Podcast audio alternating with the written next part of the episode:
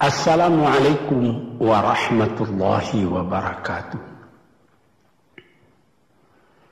Tuan-tuan, saudara-saudara, ibu-ibu dan bapak-bapak yang sudi mendengarkan keterangan agama yang seberikan di dalam kaset ini. Moga-moga Tuhan melimpahkan, mengurniakan rahmat dan nikmatnya kepada kita semuanya. Saya akan membicarakan suatu ayat yang bertemu di dalam surat Al-Baqarah bunyinya Allahu waliyul ladzina amanu yukhrijuhum minadh dhulumat ila nur والذين كفروا أولياؤهم الطاغوت yukhrijunahum minan nuri ila zulumat. Artinya Allah adalah menjadi pemimpin bagi orang-orang yang beriman. Orang yang mempunyai kepercayaan yang teguh. Dan Allah apabila orang itu telah betul-betul menganggap Allah menjadi pemimpinnya. Allah pun menjamin mengeluarkannya daripada gelap gulita kepada terang benderang. Gelap gulita kebodoh kebodohan kepada kecerdasan. Gelap gulita kehidupan tak tentu arah kepada tujuan yang sejati. Sebaliknya orang yang kafir yang tidak percaya kepada Allah maka sebaliknya yang terjadi. Daripada terang benderang dia akan dipimpin oleh tagut oleh kekuasaan-kekuasaan yang bukan bersandar kepada Allah. Dan yang demikianlah yang akan mengeluarkannya daripada terang benderang kembali ke dalam gelap gulita. Oleh sebab itu rohani manusia itu adalah melalui di antara gelap dan terang kehidupan itu, di antara terang dan gelap kehidupan. Kalau sekiranya jasmani kita, kalau sekiranya badan kita yang lahir ini diberi cahaya oleh matahari yang terbit di waktu pagi, yang terbenam di waktu sore, rohani kita pun diberi juga terang oleh suatu yang lebih terang dari matahari yaitu petunjuk dan hidayat Tuhan. Di dalam Al-Quran, Tuhan memberikan bujukan, memberikan jiwa besar kepada orang-orang yang beriman itu. Tuhan bersabda, La tahinu, wa la tahzanu, wa antumul a'launa in kuntum mu'minin engkau ini adalah orang yang tinggi kalau engkau tetap memegang kepercayaan kepada Allah Subhanahu wa taala. Di dalam perjuangan hidup di dunia ini, perjuangan antara yang hak dengan yang batil, antara gelap dengan terang, antara keyakinan dan keraguan, manusia berjalan di sekitar itu. Di kiri dan di kanan kita berjumpalah gelap dan terang itu. Maka diberilah pedoman manusia tadi. Apa pedoman? Walaupun bagaimana hebatnya, geloranya, tofannya, halim bubunya, ombaknya dan gelombangnya kehidupan itu. Manusia mesti teguh berpegang kepada iman. Sebab kehidupan di dunia itu menurut peraturannya ialah tidak ada yang tetap. Yang tetap itu ialah berubah. Berubah itulah ketetapan yang ada dalam dunia. Panas sangat terik, benar, nanti akan hujan. Hujan sangat lebat, benar, nanti akan panas. Di suatu tempat terjadi hujan yang lebat berhari-hari timbul banjir. Iya, banjir itu tidak tiap hari, nanti dia kering lagi. Ah, di laut demikian pula. Ada pasang naik, tergenang ke atas. Besok pagi air itu sudah kering lagi, surut pasang. Begitulah kehidupan di dunia itu. Itu harus kita yakini supaya kita jangan terombang ambing dalam kehidupan itu. Kalau kita sudah mulai terumbang ambing, tahu-tahu walaupun bagaimana terangnya hari gelap timbul dalam jiwa kita sendiri. Walaupun panas terik, kita berhujan. Hujan oleh keringat kita sendiri. Jadi yang penting di sini menjaga hati Sampai Rasulullah Nabi kita Muhammad sallallahu alaihi wasallam Inna fil jasadi mudghatan Di dalam tubuh manusia itu ada suatu bekuan darah. Idza salahat salahal jasadu kulluhu wa idza fasadat fasadal jasadu kulluhu. Kalau ini segumpal daging baik, seluruh badan jadi baik. Kalau dia rusak, seluruh badan jadi rusak. Apakah itu? Hati. Hati. Kendali terletak dalam hati kita. Hati artinya penuh. Bukan saja berarti pada daging, tapi pada hati dari hati, isi dari hati, atau juga akal kita. Sebab itu, maka kalau satu waktu saya pernah mengajarkan doa yang mengandung delapan sifat-sifat lemah menghilangkan kemerdekaan manusia. Hari ini saya pun akan mengajarkan doa yang diajarkan juga oleh Nabi bagaimana menjaga hati tadi. Di situ dalam doa itu ada tersebut empat perkara. Apa disebut? Allahumma inni a'udzubika min qalbin la yakhsha'u wa min ilmin la yanfa'u wa min nafsin la tashba'u min du'a illa yusma'u. Jadi empat perkara. Yang pertama, Allahumma inni a'udzu bika min qalbin la yakhsha. Aku sangat berlindung kepada Engkau ya Allah, janganlah sampai terjadi hati saya itu tidak khusyuk lagi. Ah ini bahaya ini. Mulai bahaya mengancam kepada manusia kalau hatinya tidak khusyuk lagi, hati khusyuk yaitu hati itu tentu jelas tujuannya kepada Allah. Allah menjadi pegangannya. Allah menjadi bentengnya. Allah menjadi ingatannya. Allah menjadi tujuannya. Dan kepada Allah dia kalau sembahyang menghadapkan diri, menghadapkan hati, maka permohonan kita yang pertama kepada Tuhan, ya Tuhanku, janganlah sampai hati saya ini tidak khusyuk lagi. Sebagai orang Islam, kita sembahyang lima waktu.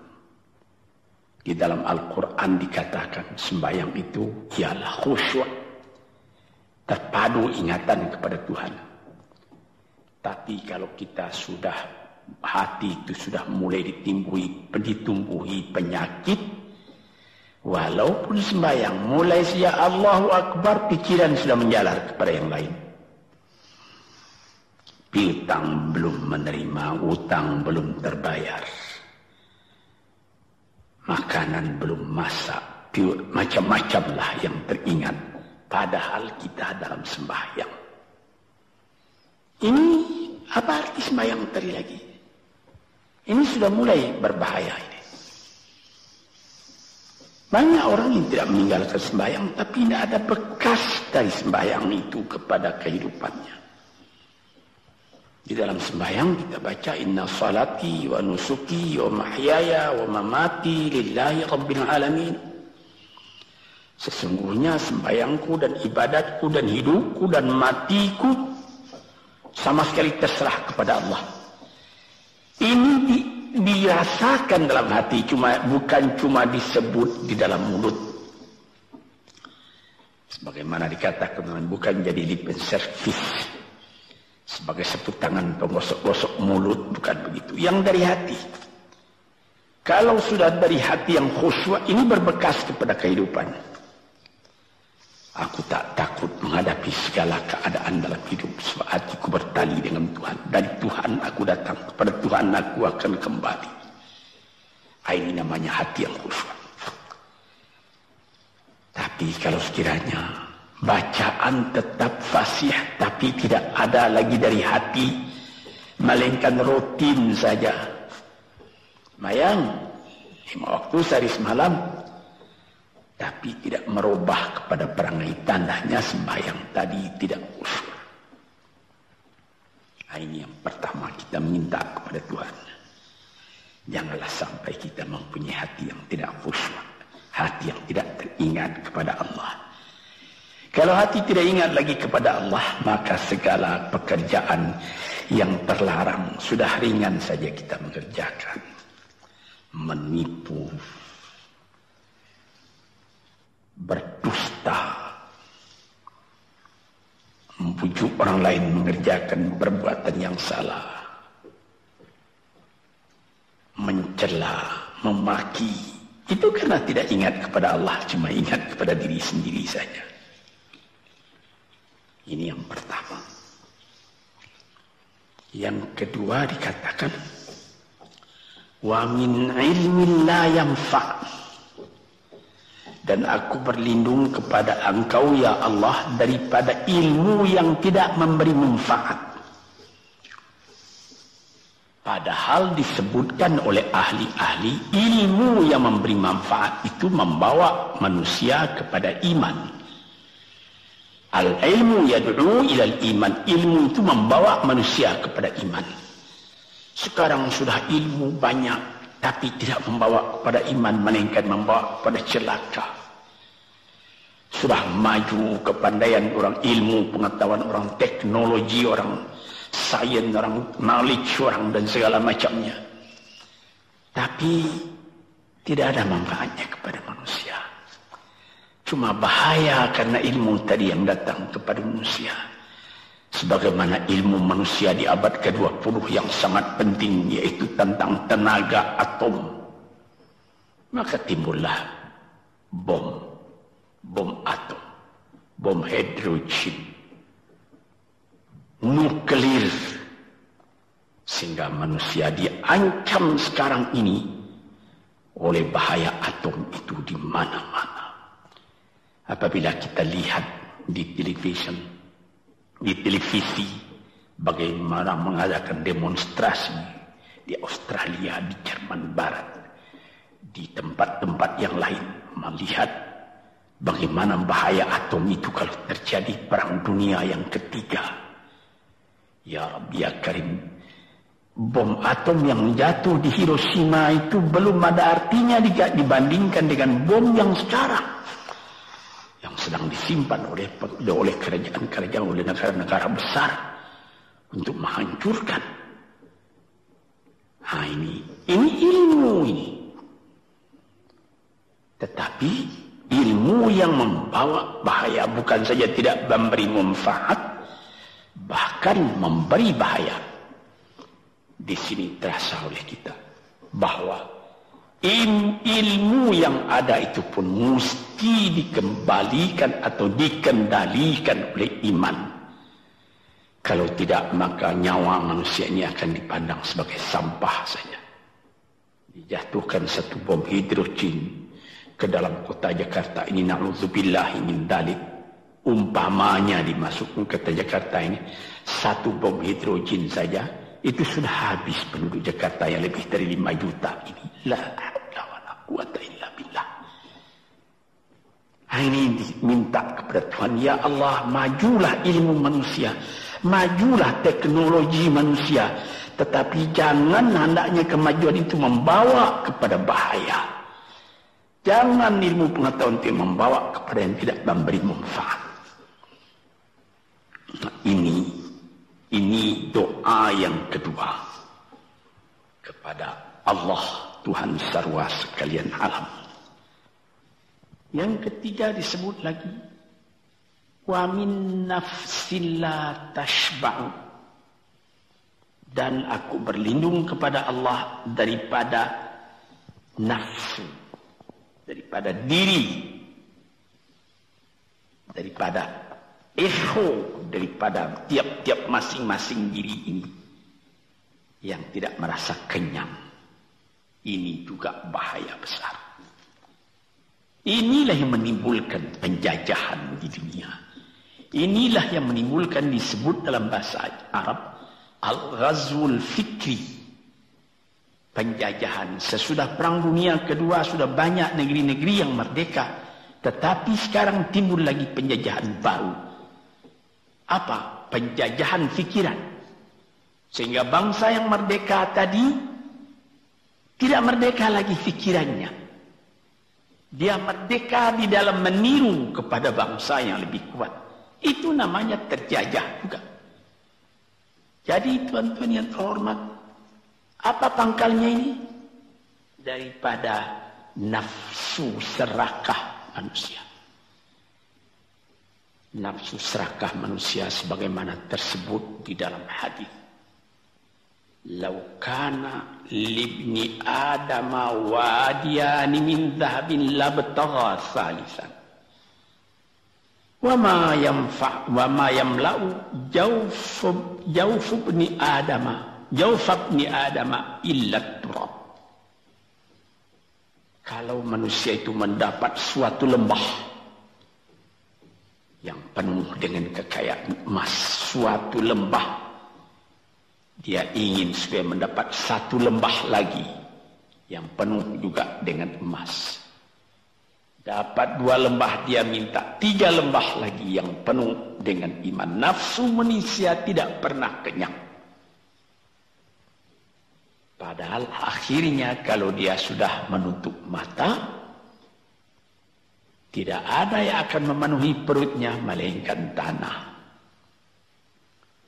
Saya teringat akan cerita yang disampaikan oleh Graf Leo Tolstoy, pujangga Rusia yang terkenal. Bahwa orang yang tidak mempunyai nafsu yang kenyang itu, pada suatu hari katanya, ada satu orang orang kaya mempunyai tanah yang luas. Dia mengatakan kepada orang, boleh tuan-tuan mengambil tanah kepunyaan saya ini, berapa tuan suka, berapa, berapa tuan mau.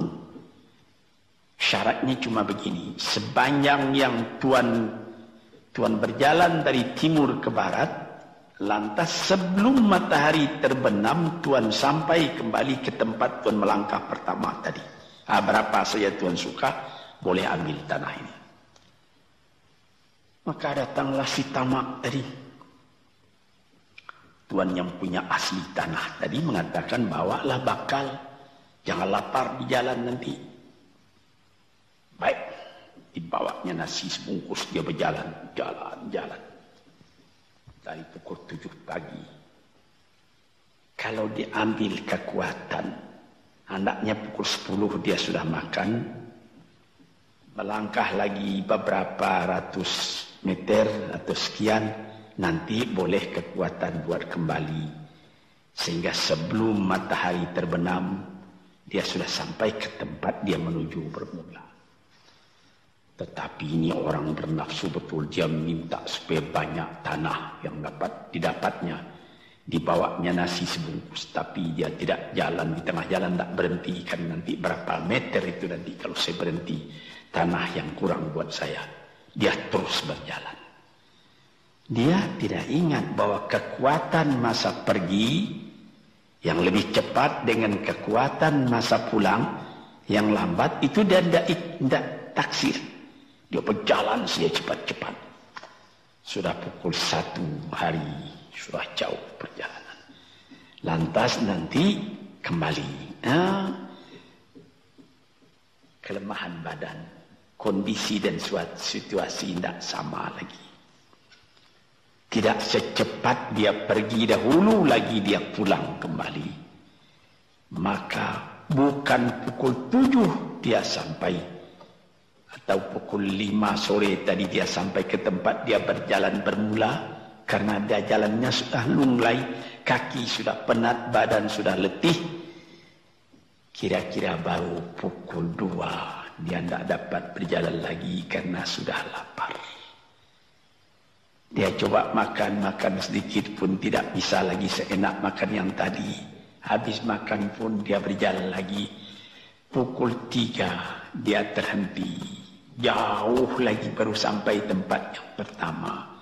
Menurut syarat yang diberikan oleh mempunyai tanah yang pertama, kalau engkau tidak sampai ke tempatmu yang pertama tadi sorenya, tanah ini tidak engkau dapat lagi semua.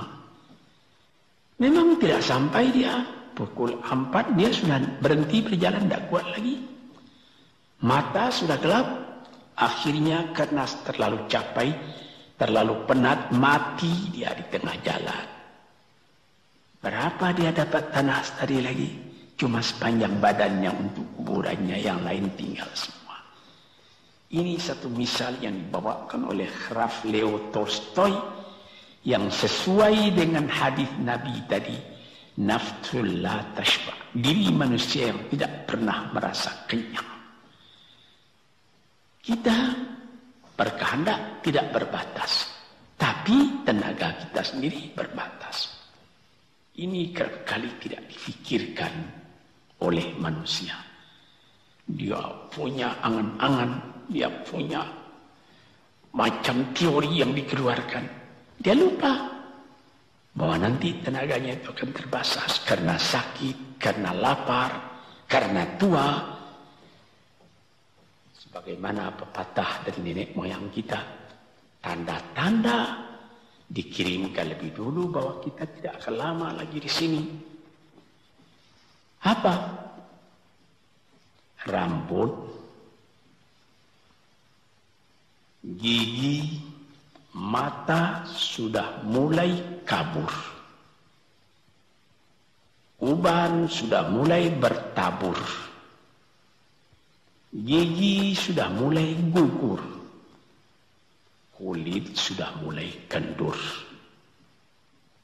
Kalau mata sudah kabur, uban sudah bertabur, gigi sudah gugur, kulit sudah kendur, sudah empat perkara. Yang kelima ialah pintu kubur. Nah ini kerap kali manusia lupa yang demikian. Sebab itu dikatakan, ya Tuhanku, janganlah sampai aku ditumbuhi oleh penyakit nafsu yang tidak mau kenyang-kenyang itu. Nah ini, kemudian itu timbul lagi doa yang keempat. Disebutkan di situ, wa min du'a illa yusma. Ini lebih berbahaya lagi. Ini sudah puncak dari bahaya. Apa artinya? Dan aku berlindung kepada engkau ya Allah. Daripada doa yang tidak didengar lagi. La ilaha illallah. Mendoa, mendoa ya Allah, ya Allah. Kasih aku ini, kasih aku kesempatan. Tapi tidak didengar lagi. Tuan-tuan, para pendengar kaset yang tercinta. Ada tersebut dalam hadis Nabi. Wa malbasuhu haram. Wa mashrabuhu haram. Wa udhiya bil haram. Ya Rab, Ya Rab, fa'anna yustajab lah. Ash'asa, aghbara. Badan sudah penuh dengan kekotoran. Penuh debu, yamudu ilai ilai yadaihi ila sama menadahkan tangan keduanya ke langit. Ya Rabbu, Ya Rabbu, Ya Tuhanku, tolong aku, Ya Allah, bela aku. Padahal yang dimakan haram, yang diminum haram. Dibesarkan dengan yang haram. Fana yustajabulah. Dengan jalan apa Allah Ta'ala akan mengabulkan doa itu? badan kotor menghadap kepada yang bersih meminta diberi kebersihan bagaimana caranya tuan-tuan yang terhormat pernah dalam Quran Tuhan mengatakan la yanzuru ilaihi wa la yukallimuhum Allah wa la yanzuru ilaihi Allah tak mau mengajak dia bercakap dan Allah tidak memandang kepada dia saya sendiri dengan segala kerendahan hati mengatakan bagaimana beratnya kita bertemu dengan seorang orang besar. Lalu dia mengulurkan tangan kepada kita. Tapi mata kita tidak dilihatnya. Sengsara rasanya. Bagaimana dengan Tuhan kalau Tuhan tak mau melihat kita? Nah, sebab itu, para pembaca, pendengar kaset yang tercinta, Berdoalah kepada Tuhan supaya hati kita selalu terbuka. Jangan sampai kita mempunyai hati yang tidak khusyuk, ilmu yang tidak memberi manfaat, jiwa yang tidak pernah kenyang, dan doa yang tidak didengar. Ya Allah, doa, dengarkan doa kami dan tunjukkan kepada kami jalan yang benar dan beri kami terang dalam kehidupan ini. Yang keempat ialah wa min du'a illa yusma' dan aku berlindung kepada engkau ya Allah jangan sampai doaku tidak terdengar tidak didengar oleh Tuhan. Sebagaimana kita tahu doa itu adalah mukhul ibadah. Tulang sumsum daripada ibadat kita sendiri kepada Tuhan. Segala perbuatan kita patrikan dengan doa dengan harapan mudah-mudahan dihizinkan oleh Allah disampaikan maksud kita macam-macam yang kita minta kepada Tuhan. Tapi kalau doa itu sudah tak diperdulikan lagi oleh Tuhan apa celaka kita? Apa daya kita? Apa upaya kita? Di sini kita melihat apa sebab maka doa tidak disam, tidak didengar oleh Tuhan, tidak diperkenankan oleh Tuhan? Tentu saja bukan dari salah Tuhan, melainkan dari salah kita sendiri. Di dalam Al-Quran dikatakan, Iya karena abudu wa iya karena stain. Al-Fatihah disebut, kepada engkaulah kami menyembah, Ya Allah dan kepada engkau kami minta tolong. Tapi dengan tidak sadar kerap kali kita berbuat terbalik. Ia karena sta'id wa karena abudu kepada engkau kami minta tolong. Lalu kepada engkau kami menyembah. Minta tolong dulu baru menyembah. Minta tolong banyak-banyak tapi terima kasih tidak ada. Tentu saja tidak didengar oleh Tuhan. Di dalam satu hadis tersebut Ash'asa Al-Rabbara Yamuddu yadaihi ila sama'i ya Rabbu ya Rabbu Wa mat'amhu haram Wa mashrabuhu haram Wa malbasuhu haram Wa ghudhiya bil haram Fa'anna yustajab badan sudah kotor, sudah berkerumut, berkerunyut, kesusahan, kegelisahan kehidupan terbayang kepada tubuh sendiri. Lalu menadahkan tangan ke langit meminta kepada Allah, Ya Tuhanku, Ya Tuhanku. Bagaimana Tuhan bisa mengabulkan dengan pikiran yang kotor engkau menghadap kepada Tuhan. Kalau tidak terkabul jangan Tuhan yang disalahi. Hatimu sendirilah salah. Apa yang kau perbuat dalam kehidupan ini? Di mana terdesak engkau ingat kepada Tuhan. Di zaman kesenangan engkau lupakan Tuhan. Di dalam mendapat percobaan engkau merengek mengadu kepada Tuhan. Jiwa yang seperti ini. Janganlah sampai timbul pada diri kita sendiri. Saya sudah mengalami apabila saya berhadapan-hadapan dengan orang besar. Saya ingin dia menghadapkan matanya kepada saya. Apa kabar saudara? Kabar baik. Dia lihat mata saya, saya lihat mata dia. Tapi kalau ketika dia bersalam dengan saya, dia melihat kepada orang lain bukan main sakit hati saya. Apa salah saya maka dia begitu? Mengapa tidak saya yang dipandang? Sedangkan dengan sesama manusia lagi begitu perasaan kita. Bagaimana dengan Tuhan? La yanzuru ilaihim wa. Allah tidak memandang sebelah mata kepada Allah kepada kita. Allah tak mau cakap, tidak mau bercakap dengan kita sepatah pun. Langit mana tempat kita bernaung, bumi mana tempat kita berpijak kalau sudah demikian keadaannya. Nah, ini yang dijaga tuan-tuan yang terhormat dalam doa keempatnya itu. Hati janganlah sampai tidak khusyuk. Ilmu janganlah sampai tidak memberi manfaat. Nafsu janganlah sampai tidak kenyang. Dan doa janganlah sampai tidak didengar. Saudara-saudara, moga-moga Allah memberikan kepada kita hati yang terang. Sebagaimana ayat yang mula-mula saya sebut tadi Allahu waliyul ladzina amanu yukhrijuhum minadh dhulumati ila nur.